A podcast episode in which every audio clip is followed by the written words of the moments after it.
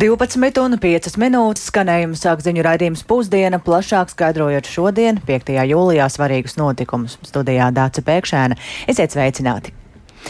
Rīgā ir jauns mērs tiesa, gan pagaidām vēl tikai uz laiku, jo šodien domas ārkārtas sēdē oficiālu amatu zaudēja Mārtiņš Staķis, bet par priekšsēdētāju pienākumu izpildītāju kļuvis ličinējais mēra vietnieks Vilnis Čirsis no jaunās vienotības. Par viņu gan deputāti nebalsoja, un Čirsis šajā amatā ir iecelts savstarpēji vienojoties ar pārējiem vicemēriem. Tas gan deputātu vidū radīja lielu neizpratni, un vairāk par sēdē notiekošo ir gatavs stāstīt kolēģis Viktors Demīdovs, kurš šobrīd jau pievienojas pievienojas man studijā. Sveiks, Viktor, un saki, kāpēc deputāti ar šādu ķiršam iecelšanas procedūru nav apmierināti? Jā, sveicināti. Nu, notiekošā domas sēde ārkārtas ir visai tāda spraiga šodien, notikumi mainās katru minūti, un jā, kas līdz šim ir zināms, tad par uh, Vilni ķirsi deputāti nebalsoja, jo saskaņā ar vides aizsardzības un reģionālās attīstības ministrijas pausto atzinumu, kuru nolasīja pats ķirsis, Rīgā ir ievēlēti tādi trīs domas mēra vietnieki, kuriem esot tiesības savstarpēji vienoties, kurš pildīs domas priekšsādātāja pienākumus. No tā izriet, ka Šie trīs cilvēki, kas ir arī Linda Ozola um, un, un, un Edvards Ratnieks no, apie, no Nacionālās apvienības Latvijas reģiona apvienības kopīgā sarakstā, nu, tad viņi var savstarpēji vienojoties, pat nerunājot ar atlikušajiem 57 deputātiem, kāda ir tā situācija, nu, kurš tad varētu būt, un pat nebalsojot. Un uh, savu uh, priekšlikumu par ķiršu iecelšanu par domas priekšsēdētāju pienākumu izpildītāju atsauca vicemēra Linda Ozola no Kotas Rīgai. Un, uh, deputāti bija lielā neizpratnē, kas vispār notiek, kāpēc viņi nebalsos, kāpēc pēkšņi uh, ķirsis nolasa varam atzinumu. Un tad uh, deputāti arī lūdza, lai, lai ķirsis viņiem atsūta un lai kaut viņi iepazīstas ar to vēstuli, ar to, to informāciju. Un, un, un tad sēdē bija izsludināts pārtraukums, tad arī tad deputāti, deputātiem bija tas, tā informācija nosūtīta. Nu, un arī gan pirms pārtraukuma, gan pēc nu, ļoti, ļoti tādas asas, asi pārmetumi tad vispār notiekošajam, piemēram, Viesturs Kleinbergs no par progresīvajiem ķirsi nosauc par pašpasludināto mēru un, un, un aicināja balsot. Tāpat arī virkne citu deputātu. Bet kāds tad ir tas varam atzinums, to lūdzu paklausīsimies Viļņa ķirša nolasītajā ziņojumā. Pašvaldību likums noteica, ka, ja domas priekšsēdētājs ir atlaists, atbrīvots, atstādināts vai atkāpies no amata, pienākumu pildīšana vai citu iemeslu dēļ vairs nespēja pildīt priekšsēdētāja pienākumus, priekšsēdētāja vietnieks pilda domas priekšsēdētāja pienākumus. Tādējādi pēc uh, fakta šādas tiesības pildīt domas priekšsēdētāja pienākums uh, iepriekš minētajā situācijā priekšsēdētāja vietniekam ir piešķirts ar likumu. Ja Rīgas valsts pilsētas pašvaldības doma ir ievēlējusi trīs priekšsēdētāju vietniekus, tad teorētiski jebkuram no trim būtu tiesības šobrīd pildīt priekšsēdētāja pienākumus. Un ja doma nav noteikusi pašvaldības nolikumā, kurš no trim priekšsēdētāju vietniekiem pildīs priekšsēdētāju pienākumus, tad varētu prezumēt, ka pēc noklusējuma uzticība ir izteikta visiem trim. Un, ja tā, tad attiecīgi būtu pieļaujami, ka priekšsēdētāju vietnieki savstarpēji vienojās, kurš pildīs domas priekšsēdētāju pienākumus un paziņo to deputātiem. Lūk, dzirdējām uh, Vilni Kirsi no jaunās vienotības. Tad, lūk, uh, nu, pēc tam, kad šī vēstule tika iz, deputātiem izsūtīta, tad, jā, kā jau es arī minēju, tad nu, tik un tā bija tās, tā neizpratnē, kāpēc mēs nevaram balsot. Un arī līdzinējais mērs Mārtiņš Staķis, kurš, starp citu, šodien arī beidza savu mēra, mēra pildīšanu, un, un, un arī, arī bija neizpratnē. Nu, kā, nu, tad ir jābalso balso par to, bet nē, tomēr uh, vicemēri trī, nu, palika jāsaka, pie sava. Pal, palika pie sava divi, pareizāk sakot, trešais jau ir ievēlēts par, e, es atvainojos, nevis ievēlēts, bet uh, tā kā nu, iecelts, iecelts jā, par, par mēru. Un uh, to un paklausīsimies plašāk Mārtiņu Kosoviču, frakcijas pār progresīvie vadītāju. Arī viņš ir nu, lielā neizpratnē par, par, par saņemto varam atzinumu savas frakcijas vārdā var apņemties, ka mēs nodrošināsim kvorumu tās baumas, kas tagad ir, ka mēs trausim no skvoruma, es saku, no paraprogresīvā puses, nav taisnība. labāk nobalsojam par lēmumu projektu, lai būtu skaidrs juridisks mandāts mēra PI pildīt savus pienākumus, jo visi pēc tam lēmumi, kas tiks pieņemti, tiks apšaubīti. Tāpēc es aicinātu tiešām varbūt nespēlēt politiskās spēlītes, jo tās tādas, teikšu, kā ir izskatās. Kādreiz var izmantot, varbūt jums nav tāda nodoma, bet nu, tiešām tādas varas sagrābšanā, kad sanāk trīs vicemēri un vienojās. Mēs tomēr esam 60 deputāti, kuri ir ievēlēti, kuriem ir daudz lielāks mandāts. Tālūk Mārtiņš Kosovičs, un jā, jāatzīmē, ka sēdē izsludināts arī otrs pārtraukums, kas jau pavisam nesen ir beidzies, un tad uh, sekosim līdzi, kāds tad ir tie tālākie notikumi. Bet uh, īsi pirms vēl pašas ārkārtas sēdes es sazinājos ar Justīnu Pantiļēju par progresīvo frakcijas vadītājas vietnieci, un viņa teica, ka gaida Viļņa ķirša uh, viedokli, kādai jābūt uh, tad nākamai koalīcijai, jo sarunas arī ir par, nākam, par, par koalīciju koalīciju. Bet ne tikai no paša ķirša, bet arī no, piemēram, no Ratnieka, kurš ir uh, Nacionālās apvienības uh, un reģiona apvienības uh, kopīgā saraksta vicemērs, un, un, un, un tad arī no Lindas Ozols, kur ir otra vicemēra.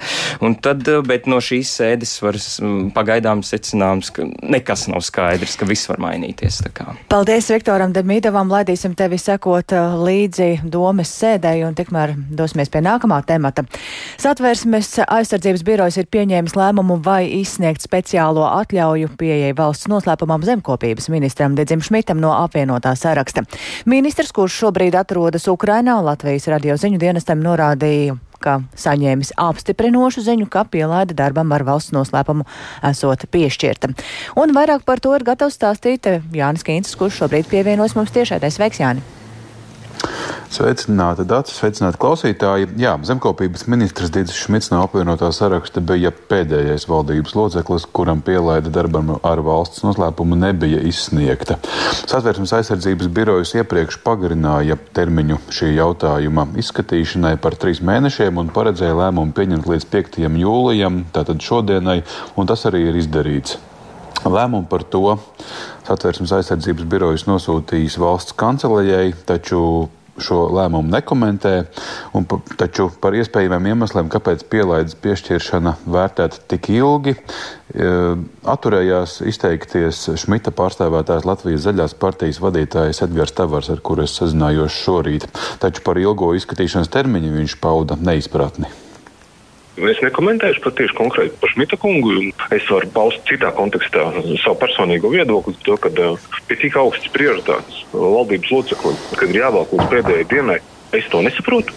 Mēs dzīvojam 2023. gadā, kad mums ir digitālās ierīces, mums nav pasta balvoža, kas sūta informāciju, apmainās. Mums tā apmaiņa notiek zibenīgi, kad ir tik ilgi jāvelk un ko vienlaikus arī opozīcija, protams, steidz izmantot un jau pieprasa ministra demisijas, lai gan termiņš vēl nekāds nav iestājušies. Un es esmu pārliecināts, aizvien, ka nu, viss būs kārtībā. Un apmēram pirms stundas eh, zemkopības ministrs Digis Šmits no apvienotā saraksta rakstiskā saziņā apstiprināja, ka no valsts kancelēs saņēmis ziņas par pielaides uh, piešķiršanu. Lēmums atteikt šo pielaides saņemšanu būtu iemesls meklēt citu zemkopības ministru.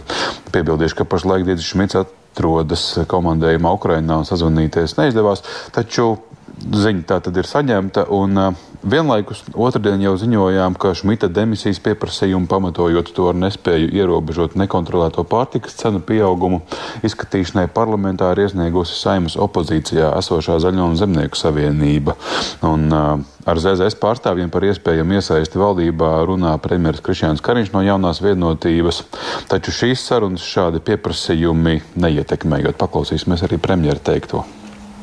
Es neredzu šobrīd eh, pamatojumu, kāpēc eh, man šāda demisija būtu jāatbalsta. Es, kā varētu teikt, ar mieru un ar smaidu daudz ko uztveru. Galvenais, par ko es cenšos ar visiem runāt, ir par darāmajiem darbiem. Kas mums valstī jādara, jādara ātrāk, un veiklāk un gudrāk, lai mēs sasniegtu mūsu kopējo mērķi, šo ekonomikas transformāciju. Un vēl piebildīšu, ka šonadēļ pareizāk sakot, ceturtdien turpināsies arī jaunās vienotības sarunas ar ZZS un progresīviem par valdības eh, turpmāko gadu uzdevumiem, šai, šoreiz pievēršoties veselības aprūpes eh, jomas reformām. Kā zināms, apvienotais saraksts un Nacionāla apvienība šajā procesā atsakās piedalīties, jo šīs sarunas saista ar plānotām izmaiņām koalīcijas sastāvā. Un premjeras gan atzīst, ka pašlaik nezina, vai un kādas izmaiņas valdošajā koalīcijā šīs sarunas varētu nest. Taču nu, par veselības jomām, par veselības jomas nepieciešamiem pakāpieniem izmaiņām, pārkārtojumiem. Tātad sarunas notiks rīt. Dace. Paldies Jānim Kīncim par šo izklāstu. Savukārt Baltkrievijā cilvēktiesību stāvoklis ir katastrofāls un tas turpina pasliktināties. To savā jaunākajā ziņojumā ir secinājusi ANO īpašā ziņotāja Anaisa Marēna, un viņa norāda, ka Baltkrievijas autoritārā vadītāja Aleksandra Lukašenko režīms mērķtiecīgi apkaro tos nedaudzos pilsoniskās sabiedrības pārstāvis, kuri vēl atļaujas atklāti kritizēt varu. Studijā šobrīd pievienojas kolēģis Uldis Čēsberis, kurš ir gatavs vairāk stāstīt par šo ziņojumu. Sveiks, Uldi, un kādi tad ir tie galvenie secinājumi? Jā, sveiki. Nu, ANO īpašā ziņotāja par cilvēktiesību stāvokli Baltkā, Baltkrievijā Anaisa Marēna, kura šajā amatā ir kopš 2018. gada, atgādināja, ka viņa jau pirms diviem gadiem brīdināja par Baltkrievijas pagriezienu totalitārisma virzienā, un savā šī gada ziņojumā viņa secina, ka diemžēl situācija valstī ir kļuvusi tikai ļaunāka, un tad varam arī paklausīties komentāru Situācija joprojām ir katastrofāla. Diemžēl tā turpina pasliktināties. Baltkrievijas valdība ir veikusi grozījumus jau tā stingrajos likumos, kuru mērķis ir likvidēt pilsoniskās brīvības. Tas ir novedis pie politiski motivētu kriminālu vajāšanu un notiesājošu spriedumu pieauguma. Atbildības trūkums par cilvēktiesību pārkāpumiem veicina baiļu atmosfēru upuru un viņu ģimeņu vidū. Jā, un Marēnas ziņojumā ir teikts, ka Baltkrievijā pašlaik ir 1500 po politieslodzīto, bet kopš 2020. gada, kad uh, valstī izcēlās plaši protesti pret uh, prezidenta vēlēšanu viltošanu, Baltkrievijā ikdienu ir notikuši vidēji 17 patvaļīgi āresti. Ziņotāja arī uzsver, ka viņai ir pamats uzskatīt, ka pret eh, politieslodzītajiem cietumos izturas ar īpašu nežēlību, piemēram, liedzot viņiem saņemt atbilstošu ārstēšanu vai tikties ar saviem advokātiem vai tuviniekiem. Eh, šeit varu piebilst, ka, piemēram, Baltkrievijas opozīcijas viena no līderiem, Sjatlana Cihanovska, jau četrus mēnešus nav saņēmusi nekādu informāciju par savu ieslodzījumā esošo vīru Sjārheju. Un Marēnas ziņojumā ir uzsvērts, ka Baltkrievijas Baltkrievijas varas iestādes stingri vēršas arī pret cilvēktiesību aizstāvjiem, par ko liecinot tas, ka pēdējos gados ir likvidētas vairāk nekā 1600 tā saucamās nevēlamās organizācijas, tostarp arī pēdējās neatkarīgās arotbiedrības, un notiekot arī sistemātiska vēršanās pret neatkarīgajiem medijiem un arī akadēmisko brīvību. Kā ir ar Krievijas agresiju Ukrainā, vai tai ir kāda ietekme uz cilvēktiesību situāciju Baltkrievijā? Jā, Anaisa Marēna norādīja, ka pilna apmēra iebrukums Ukrainā, ko Krievijas karaspēks daļēji īstenoja arī no Baltkrievijas teritorijas, ir pastiprinājis varas iestāžu represijas pret pilsoņiem, un tad varam paklausīties, kas tieši konkrēti ir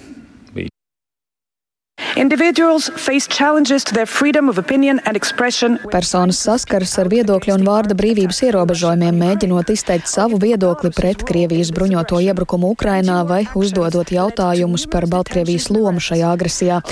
Pretkara akcijas ir novedušas pie daudzām aizturēšanām un arestiem, tostarp saistībā ar apsūdzībām teroristu uzbrukumu plānošanā, par ko var draudēt nāves sots.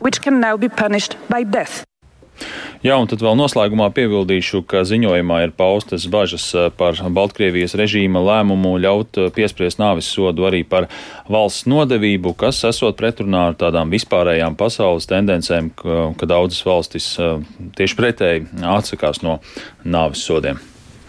Paldies Uldim Česberim par uh, skaidrojumu un situāciju Baltkrievijā, bet mēs atgriežamies pašmājās. Nu jau rīt sastā dziesmu un deju svētku diena ar plašām iespējām tos turpināt baudīt. Šovakar būs gan koru lielkoncerta tīrums dziesmas ceļš ģenerāla mēģinājums, notiks arī Latviešu tautas tērpu skate, mēnesnīca, pūtēju orķestri pieskandinās Andreju Ostu un ar amatieru teātru brīvdabas izrādēm turpinās daudzveidīgā programma Esplanādē un Vērmens dārzā. Kā arī vēl, protams, virkne citu pasākumu. Bet uh, tikmēr uh, Daugavas stadionā dejotājiem turpinās intensīvu mēģinājumu pirms lielajiem koncertiem. Jau rīt ir paredzēts deju liela uzveduma mūžīgais dzinējs ģenerāla mēģinājums, bet turpmākajās dienās svētku kulminācijas pasākumi ar dejotāju piedalīšanos. Un Daugavas stadionā dežūrējošie ārsti secina, ka dejotāju veselības problēmu līdz šim ir krietni mazāk nekā iepriekšējos svētkos. Un nu pat arī no mēģinājuma ir atgriezusies kolēģi Zanēniņa un jāsaka, Zanē, kā kāds tad ir deju svētku dalībniekiem skats, vai ir pietiekami mundri? Protams, par spīti tam, ka mēģinājumi sāks jau ļoti agri un rit jau vairākas dienas, lielākā daļa ir mundri un veseli, un arī man pašai gribējās iztaisnot muguru un staigāt staltāk, esot tik daudz dejotāju vidū. Aprunājos ar vairākiem uzreiz pēc rīta mēģinājumu, viss enerģijas pilni, labā noskaņojumā, vajagot tikai drusku atpūtināt kājas, un tad varēs turpināt bet pie neatlie neatliekamās medicīniskās palīdzības mašīnas un arī pie lielās dzeltenās medicīniskās palīdzības telts sastapu dejotājas, kuras jau šorīt bija saņēmušas mediķu palīdzību. Aprunājos ar viņām, paklausīsimies! Sakiet, kas bija noticis? Nu, vēders sāp, vēders sāp. Nu, nevar padējot sāp, nezinu, no ēdiena, no kādros vien nav pierasts tāda, tāda veida ēdienas uh, ikdienā. Bet tas nav ne karstums, ne lietus, nē, ne novērstas kājas. Nē, nē, ne nogurums, nekas vienkārši tāds, ka, nu, ka viss, ka nevar vairs padējot. Bet jānāk pēc palīdzības. Sanāk kārtīgi paēst? Grūti pateikt. Tā nu sanāk vienkārši ir, tas ritms ir savādāks, kad ir piecos jāceļās, sešos desmit ir brokastis, visu laiku maize, maize, dārzeņi diezgan maz, un kaut kādā mirklī arī aizkuņa dziedzers droši vien nostraiko pie tāda ēdiena. Dārzeņi maz ir. Dārzeņi maz, jā, jā un sausais ēdiens ir ļoti daudz. Mm. Kādu palīdzību saņēmāt? Mediķu gādīgās rokas. Tabletītes dabūju, izmērīju man spiedienu, noņēmu cukuriņu. Viss kārtībā. Drusku jāpasēž, jāatpūšās un būs labi. Latvijas rādio var pajautāt, kas bija noticis? Vienkārši sapām kāju un sāpēju. Vakar mēģinājumu laikā. Nu, pastaigāt es nevaru. Padējot cenšos un arī sadāk. Dažai tā tad apsāpējies vēders, citas emociju uz kāju, bet teica, ka padējot var, kaut gan paiet grūti. Bet kopumā šajos svētkos vismaz līdz šim dejotāju vidū ir salīdzinoši maz apslimušo vai traumēto. Tā novērojuši mediķi, kuri strādā Daugavas stadionā. Sarunājos ar Daugavas stadiona vadības ārstu, neatliekamās medicīniskās palīdzības dienesta anesteziologu reanimatologu Igoru Babrovu. Šogad svētki paiet diezgan mierīgi. Cietušo vai traumētu vai saslimušo skaits salīdzinājumā ar iepriekšējiem gadiem daudz mazāks pa iemeslu var uzskatīt, varbūt laika apstākļus, kaut bija lietus, salijā varbūt būs kaut kādas citas problēmas, bet nav tik liels karstums. Ir nelielas sīkas traumas, nobrāzumi, jauni apavi, drusku sabērza kāju, nedaudz dejotāji ar nelieliem saišu sastiepumiem vai locītavu mežģījumiem. Nu, no Daugavas stadiona mēs vakardien nogādājām uz stacionāru tikai vienu pacientu ar drusku smagāku traumu. Šie ir jums pirmie deju svētki, kur piedalāties? Man. Jā. Es atceros Daugavas stadionus, strādāju, kad bija tikai viena tribīne. Laikam šie būs ceturtie vai piektie. Un, ja skaitīt pieaugušu bērnu, tad skaits ir daudz lielāks. Doktors Babraus vēl pastāstīja, iepriekšējos svētkos esot bijis pat tā, ka rītos mediķi tikko ieradušies, bet jau gaidījusi cietušo rinda. Šogad nesot nekā tam līdzīga. Palīdzība esot jāsniedz aptuveni trīsreiz retāk. Vēl palīdzības punktos arī novērots ir daudz mazāk ierēbušu dejotāju, un arī alkohola lietošana citas reizes bijusi krietni lielāka problēma. Nu, skaidrs, ka Daugavas stadions ir piepildīts ar dejotājiem, bet cik daudz ārstu tur ir? Dr. Babraus teica, ka ir trīs eh, neatliekamās medicīniskās palīdzības dienesta brigādes ar automašīnām un arī lielā dzeltenā telts, kurā strādā viens traumatologs un viens anesteziologs, reanimatologs, kā arī vairāk ārstu palīgi, un vēl ir seši sarkanā krusta posteņi. Jā, un um, par to, ka palīdzība tātad šoreiz ir jāsniedz mazāk, tu jau stāstīji, jā, ka tas iemesls, kādēļ tas tā varētu būt. Nu jā, jā, galvenokārt tas ir tas, ka nav tik karsts kā mm -hmm. citus gadus. Varbūt, ka, kā jau ārsts teica, lietus un mitruma dēļ, varbūt ar laiku parādīsies vēl kādas citas pro problēmas, bet acīm redzot, šie laika apstākļi ir dejotājiem un tātad kustību priekam daudz labvēlīgāk. Nu, katrā ziņā cerēsim, ka tiešām dejotājiem deju solis būs gana raids. Paldies! Um, Zanai Eniņai, kura ieskatījās eh, Daugaus stadionā notiekošajā, bet atgriežoties pie šodienas svētku pasākumiem, tad eh, šajos svētkos ne tikai dzied un dejo, bet arī spēlē teātri. Un tieši šobrīd esplanādē sākas amatieru teātru brīvdabas izrādes, vēlāk tās būs arī Vērmanas dārzā, un šajās izrādēs aktieri ar lielu aizrautību izspēlē latviešu autoru darbu iestudējumus, kuri starpsvētku periodā ir atzīti par labākajiem, un tāpat arī varēs baudīt muzikālas programmas, eh, programmas teātri spēlēs ar dziesmu, dziesmu spēlēs. Plašāk par izrādēm ir gatava stāstīt kolēģi Agnija Lazdiņa, kura šobrīd ir pieslēgusies studijai. Sveika, Agnija, jau dzirdam fonā, laikam tev tas jau skan teātris, vai tu esi uz skatuves vai skatītāju rindās?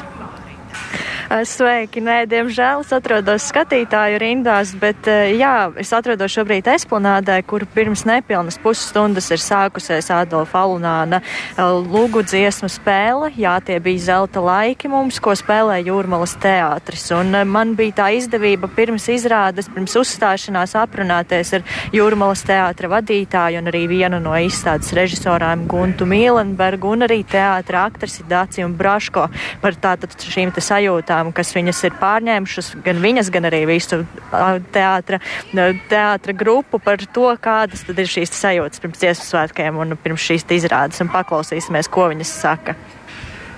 Nu, vispār šī nedēļa, un jau pirms, jau, man liekas, ka viss šis, šis gads, kopš sākās, mums sajūtas ir brīnišķīgas. Tas ir milzīgs darbs pirms, tagad, bet sajūtas ir ļoti, ļoti. Bet tā ir tāda, nu, latviska, ir daudz to epitetu, kādi ir teikti, bet, nu, tāda. Nu, mēs saprotam, ka mēs esam latvieši un ka mums ir ļoti bagāta kultūra, un mēs esam, būsim un bijām. Jā. Jā, viņas arī atzina, ka uztraukums neliels ir un bez tā, diemžēl, nekādīgi neiztikt. Bet, nu, kā es skatos šobrīd, tad šīs pusstunda pagaidām ir diezgan veiksmīga šim teātrim izdevusies, tā ir aizrāvusi arī ļoti lielu skaitu skatītāju. Ja sākumā solu rindas bija diezgan tukšas, tad uh, drīz vien pirms izrādes sākuma tās ir aizpildītas, un arī cilvēki stāv kājās un izbauda šo lielisko izrādi. Un uh, jāatzīst, ka amatieru teātru kustība Latvijā ir ar senā senām un bagātām tradīcijām, un tas nav nekāds jaunums dziesmu svētku vēsturē. Tās vienmēr ir bijušas, bijušas klātesošas, un arī šogad eh, šeit izspēlēs dažādas izrādes, kas ir atzītas kā labākās, tostarp arī šīs muzikālās programmas teātri spēlēs ar dziesmu, dziesmu spēlēs, un eh, esplanādai šodien zaļo skatuvi pēc izrādēm pieskandinās diasporas amatieru kolektīvi, gaidāms fonda viegli koncerts un mazās skatuves uz, uz mazās skatuves uz uzstāsies ārvalstu viesu kolektīvi un uh, uz visām skatuvēm pēc tam vakarus noslēgsies arī ar dančiem.